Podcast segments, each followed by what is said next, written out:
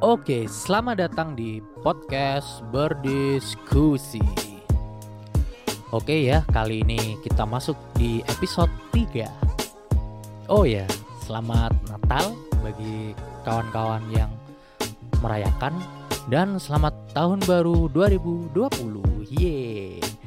Jadi apa nih resolusi kalian di tahun 2020?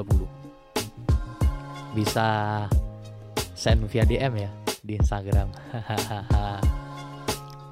Jadi di episode 3 ini aku akan membahas hal yang sepertinya banyak dialamin oleh teman teman-teman sekalian gitu.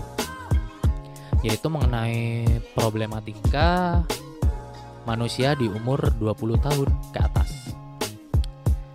Mungkin dimulai dari perkuliahan di kampus atau dunia perkuliahan di mana kalian merasa skripsi yang nggak kelar-kelar. Terus padahal teman seangkatan udah mulai dikit. Ya karena dikit ya karena mereka apa teman-teman kalian udah banyak yang lulus gitu. Terus yang sudah lulus pun sepertinya akan menghadapi kendala lagi akan mempunyai fase problematika lagi yaitu bingung cari kerja sedangkan beberapa teman seangkatan kalian sudah dapat kerjaan yang layak dan itu artinya adalah mereka sudah satu langkah lebih maju kepada masa depannya. Tapi tenang, gak usah khawatir, kalian gak usah bingung, santai aja dulu. E, memang semua itu kalau dipikir-pikir pasti akan terasa begitu berat Ya, siapa pun yang merasakan dan di posisi itu pasti akan merasa demikian. Ya, namanya juga hidup. Masalah kan pasti datang silih, silih berganti. Mau lari pun ya malah nambah menunda-nunda masalah tersebut gitu. Ujung-ujungnya makin terasa berat, ya kan? Jadi ya solusinya ya dihadapin. Kalian harus bisa menghadapin itu aku tahu sih itu bukan perihal yang mudah. Tapi dengan kalian menghindar atau kalian berlari berlari pun kan juga masalahnya nggak bakal selesai gitu. Jadi di sini aku akan sedikit berbagi tips atau uh, bukan tips ya ini ya hasil pemikiranku sendiri sebenarnya. Dan semoga uh, bisa bermanfaat lah buat kalian yang sedang di fase ini sekarang. Jadi untuk yang kesulitan di kampus, terutama yang nggak lulus-lulus perihal entah skripsinya susah atau dosennya killer gitu ya. Pertama, eh, coba kalian renungkan dulu. Letak masalah sebenarnya itu di mana? Jadi kan pasti tiap orang ini punya kendala masing-masing ya. Ya meskipun ada berada apa berada di dalam kendala yang circle-nya sama tapi pasti ada pembedanya sih uh, pembedanya di situ. Jadi jika kendala itu datangnya dari luar dari luar di sini maksudku uh, topik skripsi kalian susah entah dosen dapat dosen pembimbing yang killer atau dosen yang susah ditemuin buat bimbingan ya mau tidak mau kalian harus lebih gigih lagi. Maksudnya lebih gigih di sini itu ya misal skripsinya susah ya kalian harus uh, lebih gigih lagi untuk bisa memahami topik tersebut. Misal dosennya killer ya kalian harus bisa mengantisipasi gimana caranya biar dosen itu nggak killer sama kalian misal dosennya susah ditemuin ya kalian harus siap stay di kampus atau di mana pun yang biasanya kalian nemuin dosen tersebut. Ya itu sih karena faktor dari luar adalah faktor yang uh, mustahil kalian cegah gitu.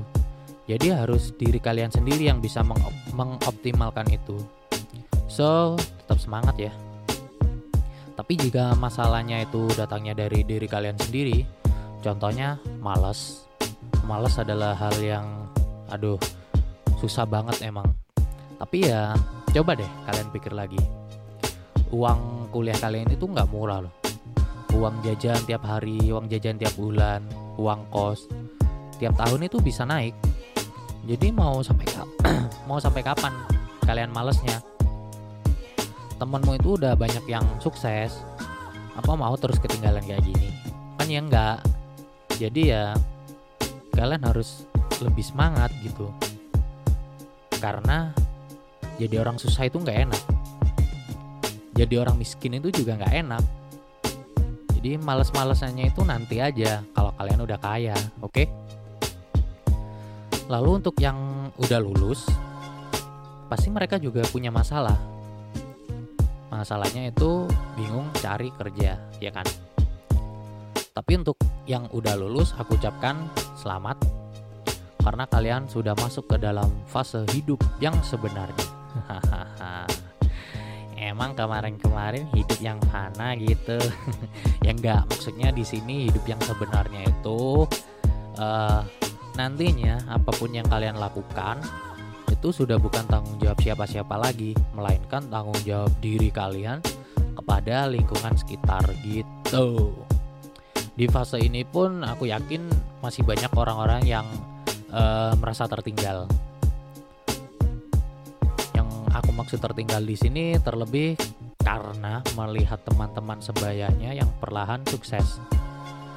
Ya, kalau efeknya makin semangat bekerja, makin semangat cari kerja, makin semangat uh, untuk cari kehidupan yang lebih baik, ya nggak masalah.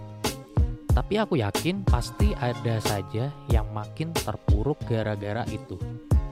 Dan pasti ujungnya timbul pertanyaan dalam diri, kenapa, kenapa, kenapa, dan kenapa.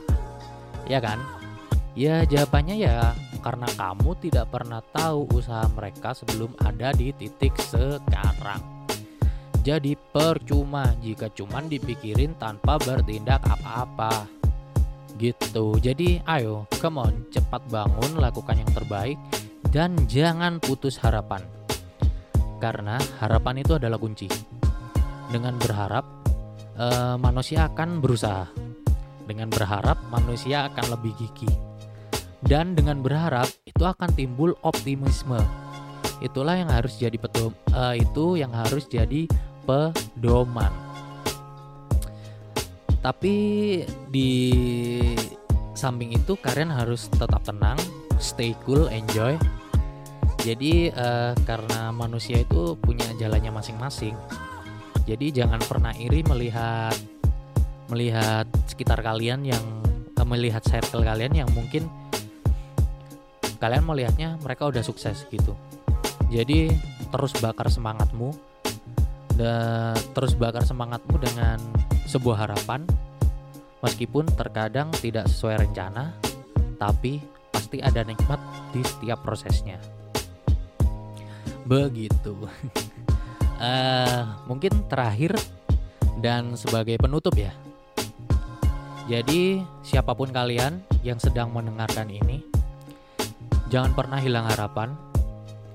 Jangan pernah terpuruk perihal kehidupan hidup tidak harus selalu baik-baik saja tapi selama kalian tidak putus asa dan harapan percayalah esok pasti kita sampai ya Oke, sekian dulu untuk episode 3 kali ini.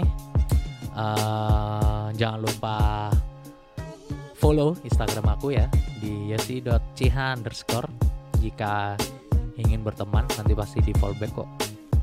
Uh, segitu dulu mungkin. Jadi see you next time. Semoga harimu menyenangkan.